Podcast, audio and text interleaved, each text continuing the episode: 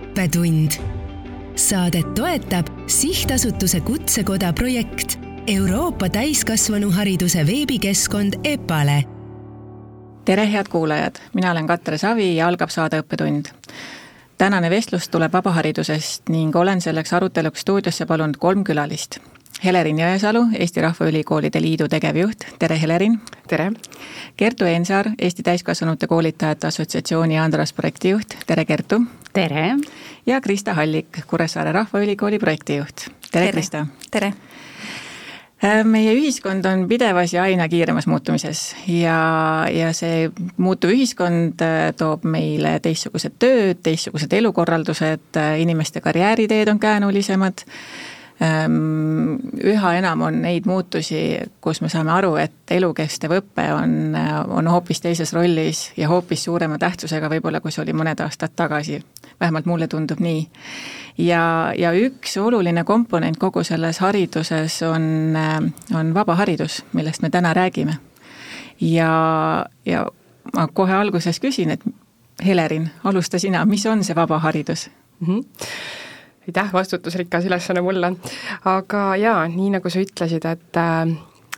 ähm, meie elu, meie ümber olev elu on muutumises, meie keskkond, et äh, kui me mõtleme ka õppimise peale, siis väga sellises suures ja laias tähenduses on see kohanemine, kohanemine oma keskkonnaga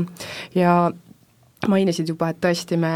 võib-olla selline, meie ka tööelu on muutunud järjest turbulentsemaks ja võib-olla kuulajale siin on üpris äh, lihtne mõelda, mis on tööalane koolitus, sellega me oleme päris hästi harjunud, aga vabaharidusliku koolituse ja õppe all me siis mõtleme kõike seda muud. selliseid koolitusi ja õppevõimalusi, mis siis äh, toetavad äh, isiksuse arengut, loovust, ettevõtlikkust, kodanikuaktiivsust ja selliseid üldisi kultuurilisi teadmisi ja oskusi. ja need on siis just ilma otsese tööalase kompetentside arengu eesmärgita. kuigi kindlasti äh, nad võivad ka kaasa aidata, et siin on ka erinevaid näiteid selleks et, ähm, et kindlasti tuleb veel juttu sellest. no ja ilmselt me kogu tänane saade avab seda, seda vabahariduse peatükki. aga, aga miks on vaja rääkida vabaharidusest? jaa, see on äh, hea küsimus, Eesti Rahvaülikoolide Liidu poolt muidugi loomulikult äh, tahaks kohe ära öelda, et võiksime sellest rääkida lihtsalt sellepärast, et ka inimesed oleksid teadlikud, et meil on lisaks tööalastele õppimisvõimalustele ka väga palju vabahariduslikke õppimisvõimalusi, et neid siis tõesti pakuvad näiteks rahvaülikoolid üle Eesti, aga ka paljud teised organisatsioonid, et väga paljud kultuurimajad, kultuuriseltsid, külamajad, erinevad mittetulundusühendused. aga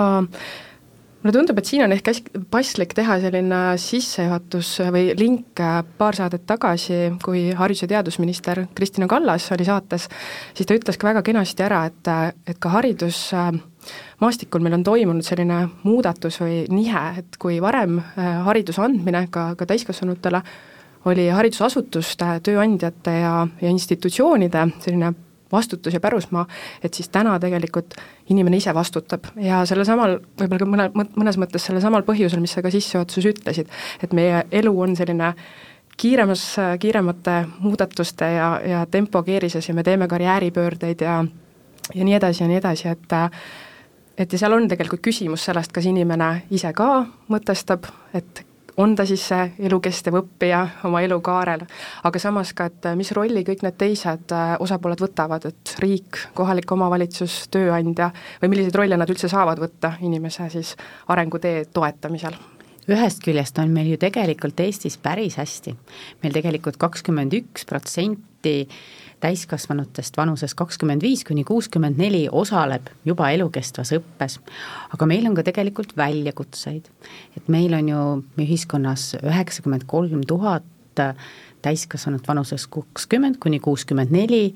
kes ei osale nii-öelda äh, võib-olla siis elukestvas õppes nii aktiivselt ja kes on siis madalama haridustasemega, et neil on kas siis üheksa klassi haridust või veelgi selles mõttes vähem. et see on hoopis selline väl-, nii-öelda vabaharidusele võib-olla ka väljakutse, et kuidas tekitada huvi neis inimeses üldse õppimise vastu. see hu-, noh, nii-öelda huvi tekitamine muidugi tegelikult peaks olema selline kõigi osapoolte koostöö huvi, et kuidas tuua ka neid inimesi siis nii-öelda elukestvasse õppesse kuidas sa, Kertu, täiskasvanute koolitajate poole poolt vaatad seda vaba haridust või kuidas teie enda jaoks olete selle mõtestanud, mis selle roll meie ühiskonnas on? tegelikult on ju nii, et, et nii-öelda sellel vabaharidusel saab olla selline koostöö roll ja mõnes mõttes ka selline nii-öelda abistav roll selles võtmes, et ta saab olla huvi tekitaja äh, täiskasvanutele, et nad tuleksid üleüldse selle õppimise juurde. et äh, vaba haridus on ju selles mõttes selline nagu pehmem pool, mis võib-olla mõnes mõttes inimesele ei tundugi nii-öelda sellise nagu päris õppimisena, eks ju. ja see võib-olla ongi vahetevahel väga hea, et see ei tundu sellise nii-öelda päris õppimisena, vaid see on selline nagu äh, vaba, keegi võib-olla ei anna sulle otseselt seal hinnanguid, vaid sa teedki seda nagu ühest küljest nagu iseenda jaoks, teisest küljest see tekitab sinus võib-olla selliseid tundeid ja mõtteid, et oo, ma saan hakkama. ja see on tegelikult ju põnev ja tore ja et ma võiksin ju midagi veel nii-öelda teada saada, õppida veel juurde mingisuguseid uusi oskusi, saada juurde võib-olla ka uusi äh, tuttavaid ja kaaslasi, kes äh, toetavad sellel nii-öelda teel, et äh, tuleks ka võib-olla sealt läbi vabahariduse sinna tasemeõppesse ka inimesi nii-öelda siis juurde kas me selles ähm, vabahariduse nüüd selles, et ta on niisugune pehmem ja lihtsam, et kas me murrame müüti või ütleme, et see ikkagi nii ongi, et, et äh, on see nagu väga huviringide poole teema või, või tegelikult ei ole nii? Kindlasti ei ole see ainult äh, huvitegevusele suunatud, et jah, meil on rahvaülikoolides palju äh, loovusele ja, ja sellisele näiteks kunstile suunatud kursusi, aga ka väga palju muid, et, et äh, viimastel aastatel kindlasti on olnud suur tähelepanu terviseteemadel, sealhulgas vaimsel tervisel, liikumisel muidugi ka, aga võib-olla hea näide on tuua paari aasta tagusest, kus Haridus- ja Teadusministeerium toetas siis Eesti Rahvaülikoolide Liitu ja seeläbi siis igas Eesti maakonnas toimusid koolitused lapsevanematele. Ehm, selline Covidi järgne aeg, väga keeruline nii lastele kui lapsevanematele ja siin tõesti me saime pakkuda väga kvaliteetseid äh, koolitusi ja, ja tõesti, need olid äh, kodulähedased ja, ja see suur huvi, äh, meil oli üle tuhande viiesaja osaleja üle Eesti, äh, näitas seda, et nad olid väga õigel ajal, väga õiges kohas ja, ja vajalikud. ja, ja see projekt oli küll selline pooleaastane, aga meie näiteks Kuressaares oleme nende koolitustega jätkanud, et tõesti vajadus lapsevanematel sellise toetuse järgi on ja, ja kui ta õpib kuidas paremini võib-olla hakkama saada pereelus, siis see kindlasti kandub edasi ka tööellu, kus ta siis saab ka tööga paremini hakkama Kertu juba ütles, et, et sageli see vaba haridus on just see esimene samm, mis aitab tulla tagasi õppima, et kas, kas needsamad koolitused, mida te Kuressaares siis tegite Covidi ajal, kas see on näidanud seda, et inimesed ka jätkuvalt siis otsivad nüüd rohkem neid õppimisvõimalusi? Ja tundub küll, et, et vähemalt Kuressaare Rahvaülikool on, on kogukonnas eh, leidnud oma koha, et kui me mõned aastad tagasi alles alustasime ja meil olid sellised mõned sajad osalejaid, siis eh, nüüd eh, õppeaastas üle tuhande osaleja, et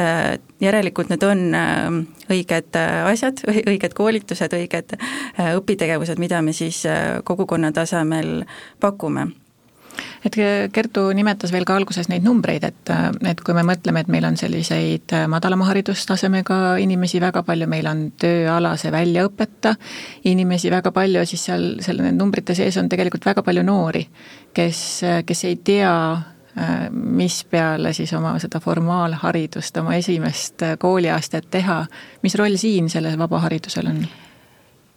Jah, see on tegelikult tõesti äh, ka probleem, et ka praegu ju on neid noori, kes siis langevad nii-öelda siis, äh, langevad koolist välja, võib-olla nad ei ole leidnud endale äh, seda, mida nad elus tahaksid nii-öelda edasi teha, et ka siin jah, selles mõttes tõepoolest vabaharidusel saaks olla see nii-öelda roll, ehk siis avada nii-öelda seda maailma nii-öelda meie ümber ja tekitada nii-öelda siis huvi, et sealt siis äh, noor leiaks, äh, leiaks enda tee nii-öelda siis äh, tulevikuks aga tooksin võib-olla ka siin sisse hoopiski sellised oskused nagu näiteks digioskused,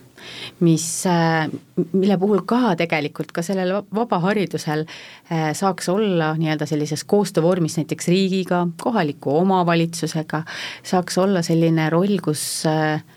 kus siis nii-öelda kogukonnas lähemal toimub nii-öelda siis selline oskuste, teadmiste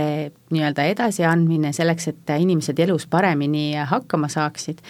seda nii nii-öelda siis isiklikus elus kui ka tegelikult äh, tööelus. Ma lisaksin veel siia juurde, et äh, kõlasid siit juba mitu korda märksõnana kogukond, et see on kahtlemata just selle noortega seotud äh, väljakutse puhul väga oluline, et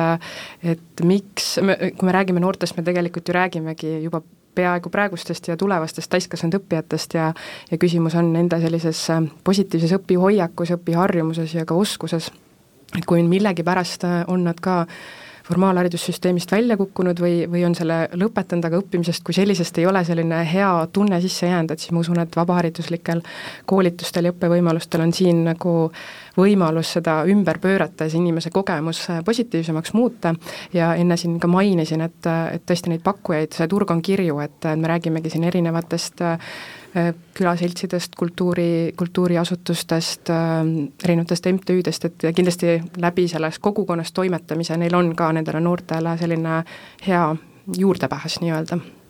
On teil näiteid nagu ka, et juba kõlas siin Covidi ajal äh, koolitused ja vanematele suunatud vaimse tervise, mis on veel nagu sellised, mis on mingisugust muutust seal kogukonnas tekitanud või mis on niisugused võib-olla, mis paneksid äh, kuulajad mõtlema, et, et tegelikult on no minul on näiteks Võrumaalt tuua mul on Võrumaalt tuua lausa mitu näidet. üks näide on äh, Võrumaa ühes raamatukogus Muna õpetab kana, kus siis äh, noored õpetavad eakatele kasutama nutiseadmeid ja neid nutiseadmeid, mida ju siis eakas just vajab nii-öelda enda elus paremini toimetulemiseks, ehk ta võib ise siis valida, et kas ta tuleb siis oma siis nutitelefoniga, tahvliga või tuleb siis äh, äh, nii-öelda siis laptopiga sinna. ja noored siis väga õhinal äh, nii-öelda siis äh, suunavad, õpetavad ja see ei ole olnud nagu ühekordne projekt, vaid see on olnud nagu mitu korda ja see on alati olnud neil väga nii-öelda menukas. ja ma olen näinud sellest nii-öelda pilti, pilte ja olen näinud ka nii-öelda videomaterjali ja ma tõesti ütlen, et need noored on innukad ja eakad on ka innukad ja seda on olnud väga nagu soe ja tore äh, vaadata.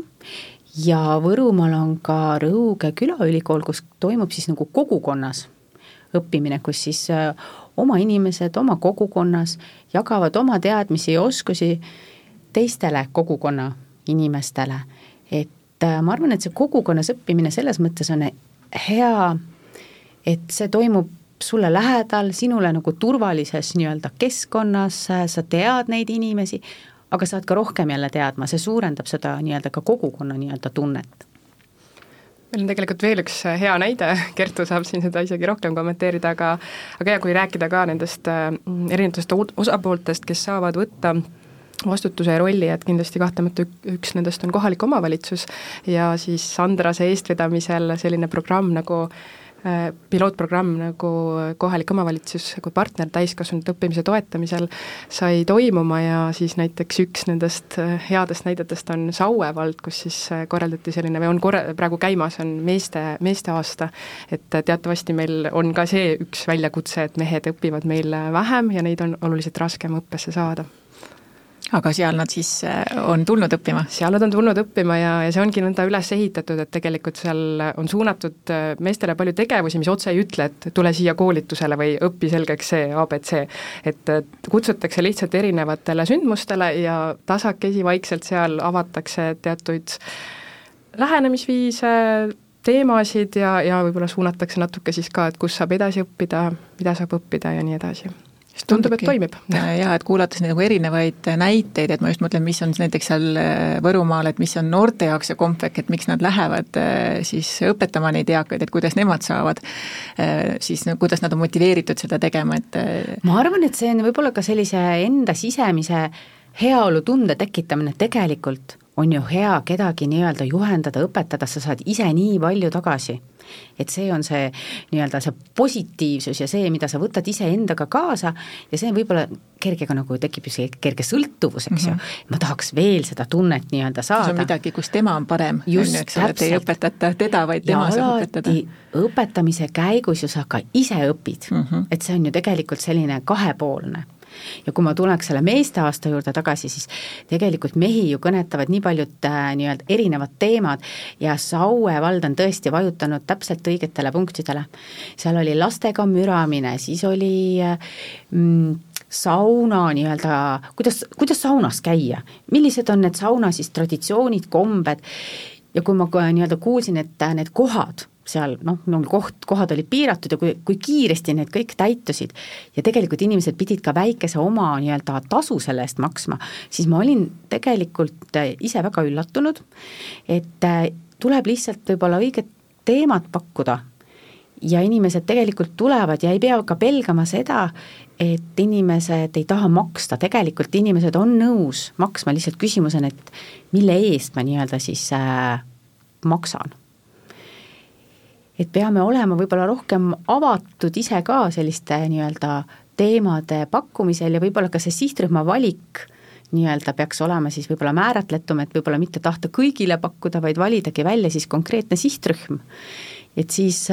siis me oleme, oleme võib-olla ka edukamad nii-öelda võib-olla korraks räägiks sellest eelarvest või, või rahadest, et me üsna palju oleme juba rääkinud sellest, et kohalik omavalitsus ja ja kogukond on, on see, kus võib-olla see vaba haridus äh, saabki kõige suuremat äh, mõju, saab nii anda mõju, kui ka kogukond ise võidab sellest kõige rohkem. Samas me teame, et, äh, et kohalike omavalitsuste eelarved ei ole suured, et kuidas te oskate kommenteerida seda, et et kui palju jääb raha taha kinni või kas alati peab mõtlema, et mis see maksab või on teisi variante siin laual ka? Saaremaa niimoodi mere taga asub, siis eh, nii või teisiti jõuab sinna kindlasti vähem õppimisvõimalusi, mis meil kohapeal on, ja kui me sinna midagi või kedagi toome, siis see on sageli üsna kallis, et me peame arvestama transpordi ja majutusega ja sest see võtab kõigil koolitajatel ja kõigil nagu rohkem aega, et meie juurde tulla et siin ma näen küll, et on tegelikult väga oluline, kui tulevad riik või kohalik omavalitsus appi ja et me saame seda pakkuda inimesele ikkagi sellise taskukohase hinnaga, sest me ei taha, et, et sellisest nagu heast õppimisvõimalusest peab keegi sellepärast ilma jääma, et ta lihtsalt ei ole võimalik. ja tõesti, arvestades praegust majanduslikku olukorda, siis tõesti õppimine võib olla see, kust peatakse või on oluline, et, et sellele ei saa lihtsalt äh, oma eelarvet kulutada, siis, siis siin seda enam on oluline, et me saaks äh, hea hinnaga pakkuda seda, et need ei pea üldse olema tasuta kõik, aga lihtsalt, et see hinnatundlikkus kindlasti, eriti maapiirkondades, on nagu äh, tundlikum, jah. siin on juures ka see aspekt, et äh, tegelikult rahvaülikoolid on isemajandavad ja väga palju, paljud, enamik kursusi, enamik kursustest tulebki tasuda ja mitte alati ei ole see ka tõesti kõige, kõige odavam koolituspakkumine, aga, aga miks on selle vabahariduse toetamine väga oluline, on see, et me ei saa võib-olla ka eeldada või nõuda inimeselt, et ta alati saab aru, et see on see õppimisvõimalus, millele, mille mina pean vastu võtma või millele ma pean minema vastu, eriti kui me mõtlemegi näiteks sellistele suurtele ühiskondlikele muudatustele, nagu praegu meil on väga aktuaalne, eks ju, rohepööre ja selline roheoskuste teema, aga nii ehk naa digi, digioskused juba kõlasid siin, et inimene alati ei taju seda, et et ma pean panema sinna raha, et õppida mingisuguseid oskusi. Ja siin ongi nüüd küsimus, et kas see on siis ka riigi ja kohaliku omavalitsuse vastutus näiteks ja tegelikult äh, võib-olla siia juurde ütlen, et väga paljud ministeeriumid ju äh, läbi erinevate programmide toetavadki äh,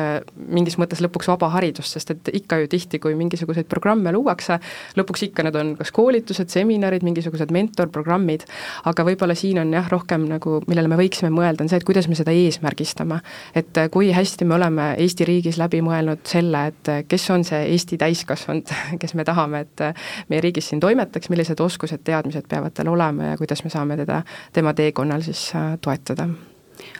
Lisan võib-olla juurde, et alati ei peagi tõesti see eelarve olema just väga nii-öelda suur. et äh, mõnes mõttes on oluline ka selline mõtteviisi muutus seal nii-öelda kohaliku omavalitsuse tasandil,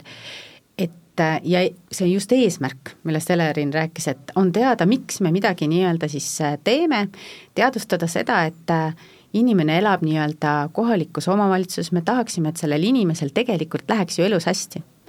kui tal on töökoht, kui tal on teadmised, oskused kaasaegsed, siis suure tõenäosusega ta ei vaja ka selle kohaliku omavalitsuse abi, vaid ta on hea maksumaksja. aktiivne kodanik. just, täpselt, ta panustab sinna kogukonda selles mõttes tagasi, aga selleks, et see nii oleks, peab ka see kohalik omavalitsus seda nii-öelda nagu teadvustama. et see inimene on tegelikult tähtis ja oluline ja paljudel juhtudel loomulikult on ka betoon tähtis ja on nii-öelda kõik see pool oluline, eks ju, aga lõppkokkuvõttes on ju ka inimene kõige nii-öelda olulisem, sest tema on ju tegelikult see, kes üldse teeb selle elu mõnes mõttes nii-öelda seal kohalikul tasandil ju selles mõttes võimalikuks, sest tema raha eest ju tegelikult see nii-öelda muu elu ka seal nii-öelda äh, toimub. kui nüüd tõesti mõelda siin, Elerin tõi välja seda koostööpunkti, siis võib-olla jaa, meil tegelikult riigi tasandil see koostöö äh, tegelikult äh, toimib, aga kohalik omavalitsus ei ole äh, nii-öelda vastutav, tal ei ole kohustust tegelikult selle äh, oma nii-öelda siis oma valla, linna piires nii-öelda siis selle täiskasvanu hariduse eest nii-öelda vastutada. tal ei ole seda kuhugi ette kirjutatud, nad teevad seda vabatahtlikult. võib-olla see võiks olla siis nagu mõtestatud ja nagu teadvustatud ja teadlik, et kohalik omavalitsus teab, kes tema nii-öelda, kes, kes seal elavad, millised on võib-olla siis need vajadused ja kuidas tema saaks toetada, et äh, sellel inimesel läheks seal veel paremini. Tooks veel ühe nüansi siia juurde, et, et ühelt poolt äh,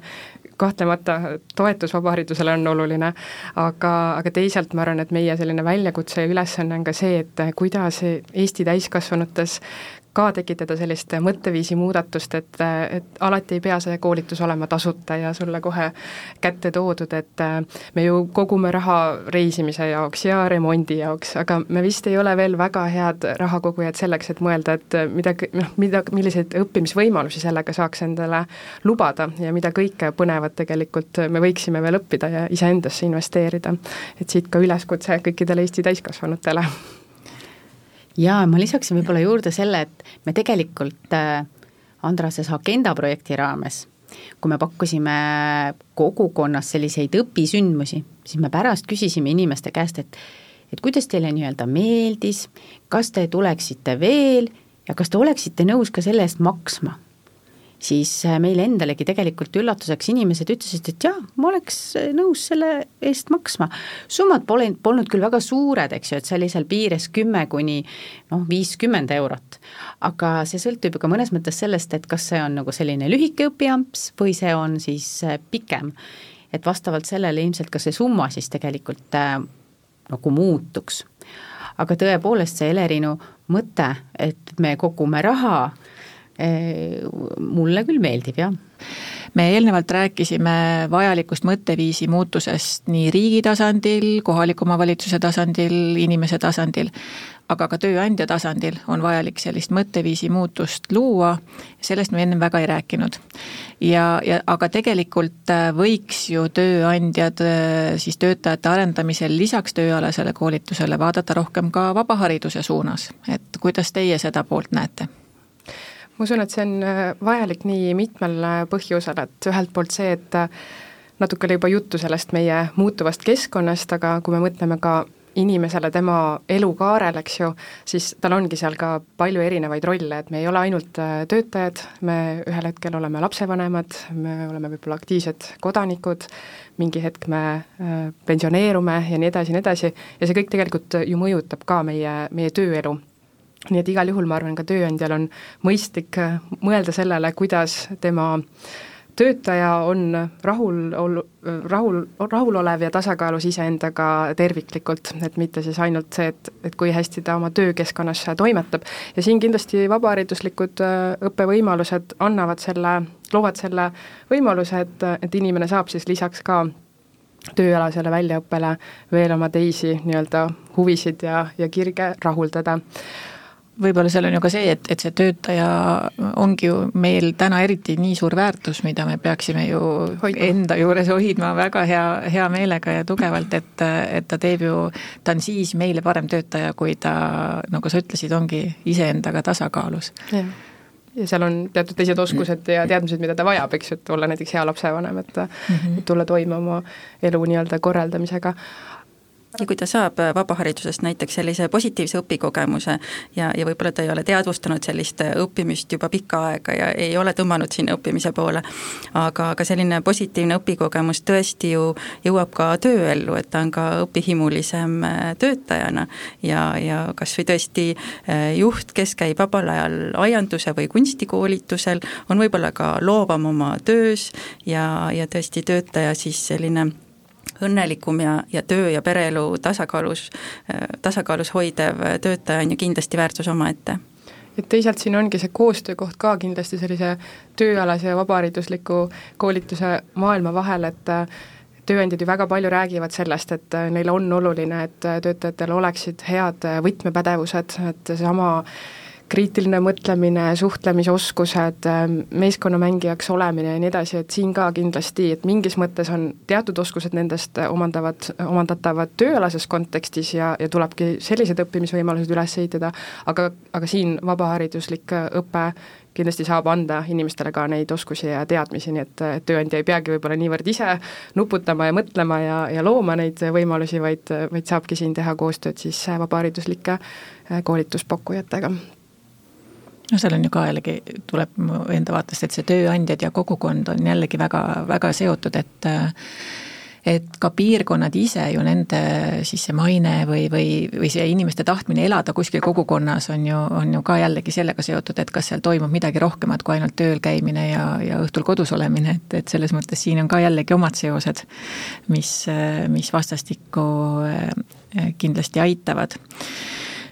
ei ole veel rääkinud ka kvaliteedist, et äh, kui me alguses korra mainisime, et erinevaid pakkujaid on väga palju, et, ähm, et kuidas on vabahariduse maastikul sellise kvaliteedi hoidmise, selle vaatamise, jälgimise, nende küsimustega? See on vist kuum teema üleüldse, et see ei ole ainult äh, siis äh, nii-öelda täienduskoolitusmaastikul vabahariduskoolituse osa, vaid, vaid kõiki, see puudutab kõiki täienduskoolituspakkujaid ja ja teatavasti meil on täna ka siin seadusloomes muudatused äh, käimas ja, ja ees ootamas, aga vabahariduse poole pealt võib-olla lihtsalt ütlen nõnda palju, et, et jah, et kui võib-olla vahepeal tekib selline mm, ekslik tunne, et, et kui me räägime vabahariduses justkui sellistest natuke pehmematest äh, teemadest, et siis kuidagi ka see kvaliteet ei oleks nõnda oluline või, või seda ei tule, ei tuleks järgida. Aga tegelikult see nii ei ole, et, et samamoodi meile kehtib täiskasvanute koolituse seadus, see kõik hakkab tegelikult ikka pihta sellest samast, et kes on see koolitaja, kes selle läbi viib, mis on tema äh, kompetentsus, äh, mis on selle õppe eesmärk ja sealt juba edasi siis õpiväljundid, valitud meetodid ja, ja nii edasi ja nii edasi, nii et äh, kvaliteet on väga oluline ja Eesti Rahvaülikoolide Liidu poolt ka me pingutame selle nimel, et meie rahvaülikoolid, meil on enda kvaliteedi hindamise süsteem välja töötatud liidus ja me tegeleme sellega, et kõik liikmed siis sellega läbiksid ja saaksid endale sellise kvaliteedimärgi, nii et me proovime siis vähemalt oma selles väikeses Rahvaülikoolide Liidu kogukonnas hoida seda kvaliteeti nõnda. Andras on äh, täiskasvanud koolitaja kutsete andja, et meie jaoks on tegelikult see kvaliteet ka väga oluline ja meil on neid nüüd kutsega koolitajaid seal kuskil viiesaja, kuuesaja vahepeal, et see kõigub seal viiesaja viiekümnest viiesaja seitsmekümneni et sügisel on taas tulemas siis äh, uus äh, taotlusvoor, kutsun ülesse, tulge vaadake Andrase kodulehele, täiskasvanud koolitaja kutse ja tõstame koos siis seda kvaliteeti. Kvaliteedi tõstmise ja hea kvaliteediga käib kaasas ka tunnustamine, et äh, kas neid, kes siis on oma tööd teinud hästi nii õppijana kui koolitajana, kas see aitab kaasa sellele kogu vabaharidusliku maastiku siis võib-olla mitmekesisemisel, kesistumisele, selle märkamisele, et, et me ka tunnustame tegijaid? kindlasti aitab kaasa, see tõstab tegelikult äh, teadlikkust. ja siin on tõesti, meil on nagu väga hea meel, et äh, haridus- ja Teadusministeeriumi ja Andrase koostöös on meil olnud võimalik juba nüüd sellel aastal kahekümne kuuendat korda tunnustada aasta õppijat, aasta õppijasõbralikku tööandjat, aasta koolitajat ja aasta õpitegu ja tõsta esile just neid inimesi, kes on teinud äh, elus siis muutuse, pean silmas just siin aasta õppija nii-öelda siis äh, kategoorias, ja tegelikult tõsta esile ka neid äh, tööandjaid, kes tegelikult panustavad oma inimestesse, annavad neile võimaluse õppida, toetavad neid sellel nii-öelda teekonnal ja on ise teadlikud, miks nii-öelda see on siis selles mõttes oluline ja kindlasti on väga oluline tunnustada ka siis äh, koolitajaid, kes tegelikult äh, panustavad rohkem kui võib-olla see nii-öelda oma ainult teadmiste edasiandmine nii-öelda koolitusel, vaid ka võtavad selle nii-öelda laiemalt ette, ehk panustavad nagu nii-öelda siis sellesse valdkonda eh, tagasi. Ja loomulikult äh, õpitegu, see on see, mis nii-öelda siis nendes kogukondades, kohalikes omavalitsustes nii-öelda siis toimub, et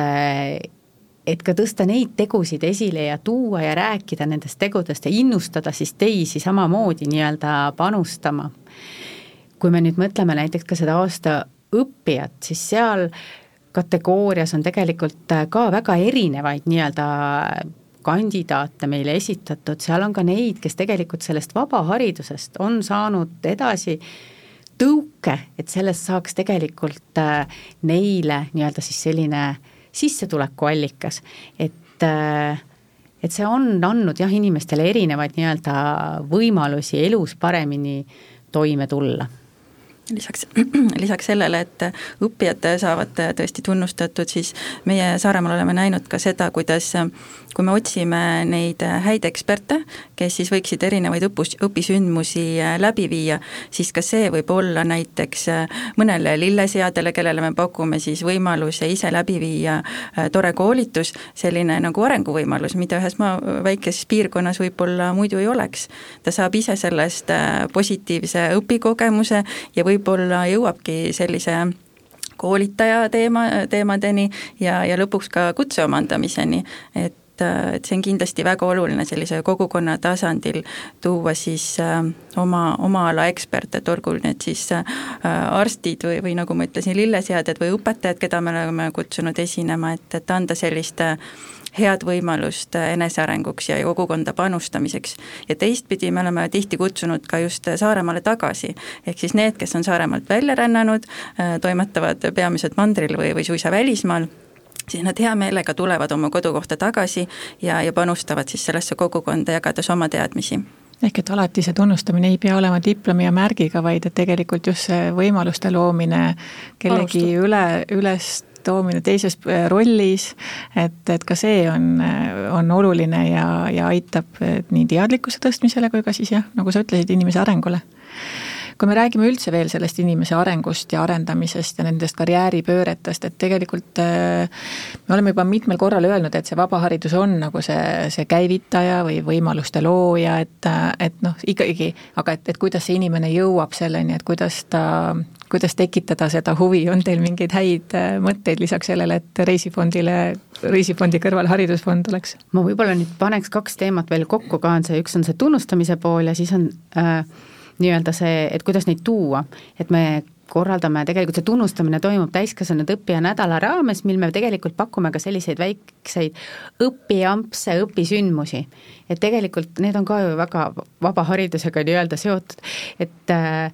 Krista siin täpselt just rääkis seda, mida me seal mõnes mõttes nii-öelda täiskasvanud õppija nädala raames teeme, ehk siis ongi, et tuleb võib-olla mõni lilleseadja, tuleb mõni arst, räägib oma kogemusest, et need on väga erinevad formaadid ja see on ka täpselt see nii-öelda huvi tekitamine selle õppimise nii-öelda vastu, et see võib-olla on ainult võib-olla tunnine, ma ei tea, pooleteisttunnine selline kokkupuude sellega ja sealt läheb siis nii-öelda siis see pall liikvele. Kui me toome nüüd kokku neid erinevaid tegijaid erinevatelt tasemetelt, siis, siis me tegeleme ju ka sellise sotsiaalse kaasatusega või me loome sidusamat ühiskonda, kuidas,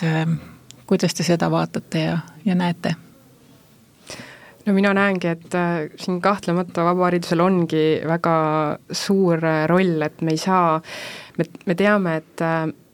meil on Eesti riigis väga hästi sellega, et äh, hariduspoliitika on väga suunatud äh, tööalastele koolitustele, et tõesti, meie inimesed oleksid väga head oma töös ja see on kahtlemata meie ühiskonnale, majandusele väga hea, äh, väga oluline.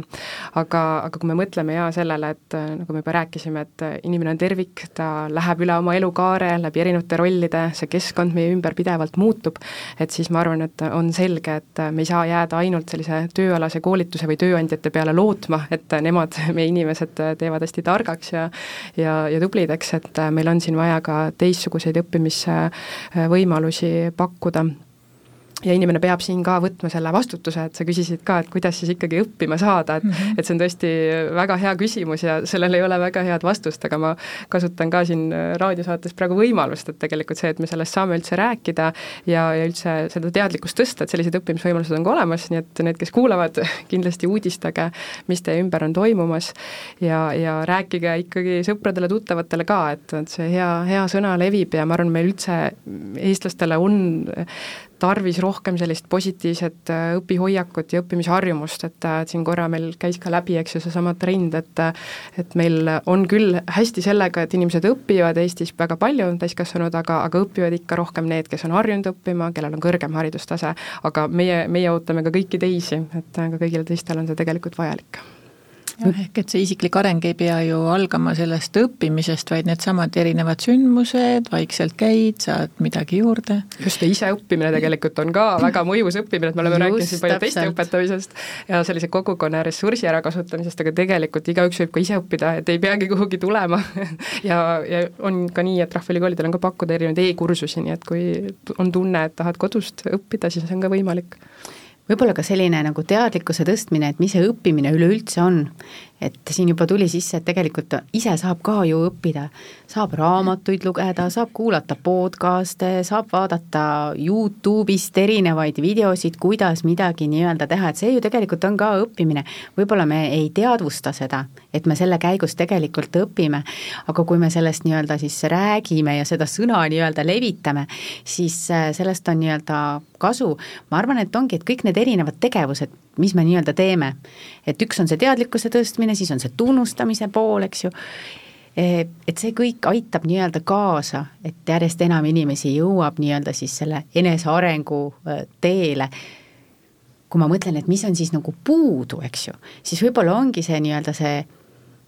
see ühise eesmärgi nimel koostöös tegutsemine nii-öelda, et seal on nagu, ma ütleks, arenguruumi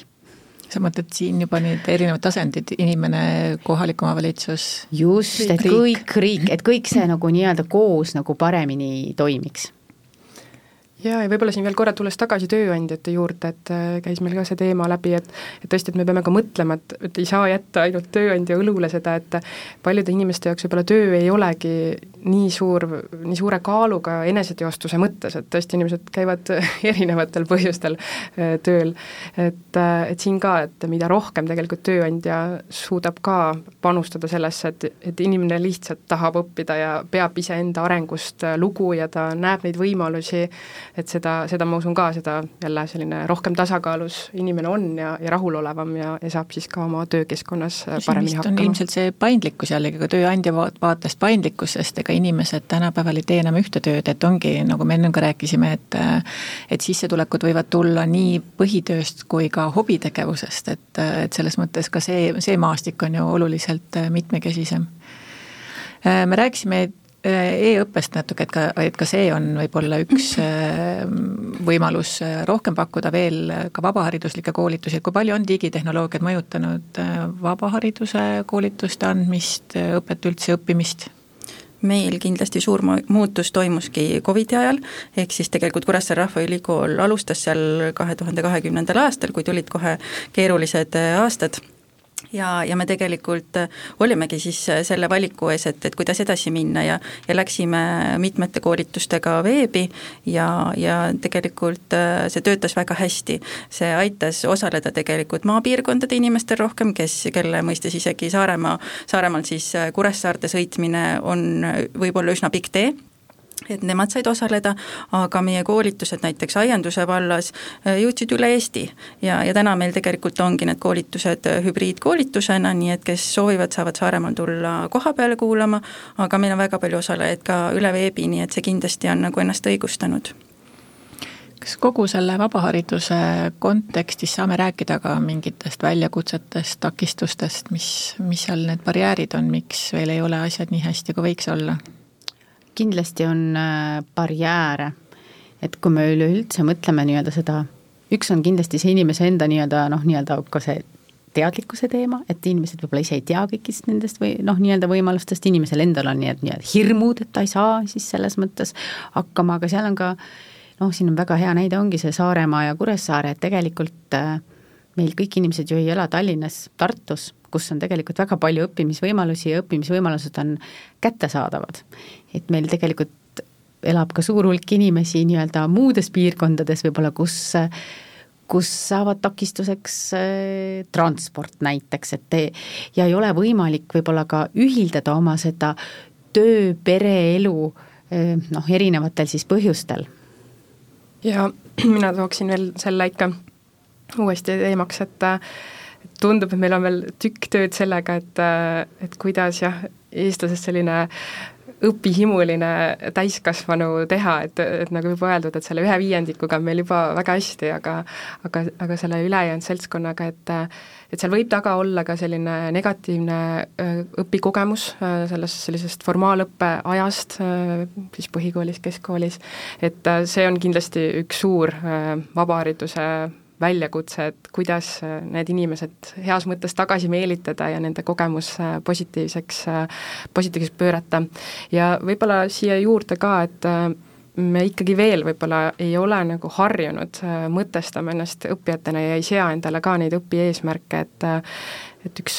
laiaulatuslik Sedefopi uuring ka tõi välja, et, et me oleme väga head selles, et me ütleme, et elukestev õpe on tähtis ja õppimine kogu aeg läbi elu on oluline, aga kui tulebki teha see otsus, et kas ma nüüd lähen või ei lähe, siis tekivadki needsamad pragmaatilised põhjused, et liiga kaugel, lapsed jäävad üksi koju, et seal neid põhjuseid leiab nii palju, aga, aga ma arvan, et siinkohal ongi oluline, et, et Eesti täiskasvanud peavadki mõtlema, et et kas nad tahavad õppida, miks nad tahavad või peaksid õppima ja millised on need võimalused, tegelikult tuleb teha see otsus. et ma arvan, et siin loomulikult me saame rääkida erinevate osapoolte vastutusest ja rollidest, aga noh, ilmselt ikkagi ükski ei kohaliku omavalitsuse töötaja ega ka riigiametnik ei saa sind lõpuks sundida õppima, et see on ikkagi inimese enda äh, otsus ja vaba tahe aga kuidas Eesti inimene välja paistab nendes rahvusvahelises äh, pildis sellisena, selles kontekstis? paistab väga hästi ja võib-olla see ongi natukene ka noh, ma ei ütleks karuteene teinud, aga, aga loomulikult me peame ennast siin kiitma, äh, eriti väikeriigina, et tõesti, meie statistika on väga hea, me oleme Põhjamaadel seal kohe järel ja ühtede kõrgemate tulemustega siis äh, täiskasvanueas õppimise, õppimise näitajate järgi. see on tegelikult ka nüüd siin ütleme, ma mõtlen, et kuskil kümne aastaga tegelikult muutunud, et et kui kümmekond aastat tagasi need madalama haridustasemega inimesed osalesid tegelikult elukestvas õppes nii vähe, et kui teha graafikut, siis see graafikul see nii-öelda tulp ei olnudki nagu näha nii-öelda, siis nüüd nii-öelda see tulp on selles mõttes ka kerkinud, ehk siis ka madalama haridustasemega inimesed osalevad elukestvas õppes noh, nüüd juba natukene rohkem, aga tõesti, nagu Elerin ütles, just äh, naised mm -hmm. kõrgharidusega on need, kes siis tegelikult seda lippu hoiavad väga nii-öelda siis äh, kõrgel. just, ja rohkem õpivad äh, eestlased kui mitte-eestlased ja rohkem õpivad nooremad inimesed kui vanemad ja, ja vanemate inimeste hulgas tegelikult meil ei ole ka väga head statistikat, et see on ka üks asi, millega me no tegelikult see tegeleda. kukub alates vanusest äh, viiskümmend, hakkab siis tegelikult see siis seal, see tulp langema, et ka seda võiksime mõnes mõttes ju siis nii-öelda silmas pidada, ehk siis ka pakkuda neile inimestele, kes on seal võib-olla juba viiekümne lähedal, et ka neile siis selliseid võimalusi või rääkida sellest, et et miks see siis on oluline ja et, et elus on veel nii palju asju, mida tegelikult tule, tuleb ja saab nii-öelda siis teha. ja kui me mõtleme ju tuleviku peale, siis äh, ega ju tegelikult äh, ma ei tea, minuvanused enam ei lähegi pensionile nii-öelda või? jah, et inimese eluiga on juba nii palju pikem, et tõesti viiekümneaastaselt äh, teha veel karjääripööre või, või lihtsalt midagi uut õppida, see tundub väga juba tavapärane täna, nii et kindlasti sellega ju peab kaasa minema. mulle meenus üks näide Saaremaalt eelmisest aastast, kus tegelikult eakas härra olles äh, tööl merenduses laeval nii-öelda, kokk läks äh, giidikursustele ja töötab nüüd äh, Kuressaare lossis giidina. ja sellest on tegelikult ka ETV-s üks vahva saade tema nii-öelda siis sellest loost ja see on, on tõesti väga südantliigutav selles mõttes lugu ja ta ise nii-öelda tõi seal välja, et et see tegelikult andis tema ellu nii palju, et üks on see, et ta sai ise uusi teadmisi oskusi, aga teine on see, et see tõi uusi inimesi tema nii-öelda ellu, rikastas tema elu. No vot, nende sõnadega me täna oma saate lõpetame. oli väga-väga tore vestlus ja ma arvan, et neid teemasid jätkub äh, loodetavasti igas kogukonnas, igas inimese sees, see, see arutelu jätkub. Ja, ja meie vabaharidusturg laieneb ja inimesi tuleb järjest rohkem ennast arendama Te kuulasite saadet Õppetund, kus külas olid Helerin Jõesalu Eesti Rahvaülikoolide Liidust, Kertu Eensaar Eesti Täiskasvanute Koolitajate Assotsiatsioonist Andras ja Krista Hallik Kuressaare Rahvaülikoolist. me rääkisime vabaharidusest, mina olen saatejuht Katre Savi, järgmine Õppetund on eetris taas nelja nädala pärast. suur tänu, et olite meiega, soovin teile kaunist päeva! õppetund. Saadet toetab sihtasutuse Kutsekoda projekt Euroopa täiskasvanuhariduse veebikeskkond EPALE. Projekti kaasrahastab Euroopa Liit Erasmus pluss programmi raames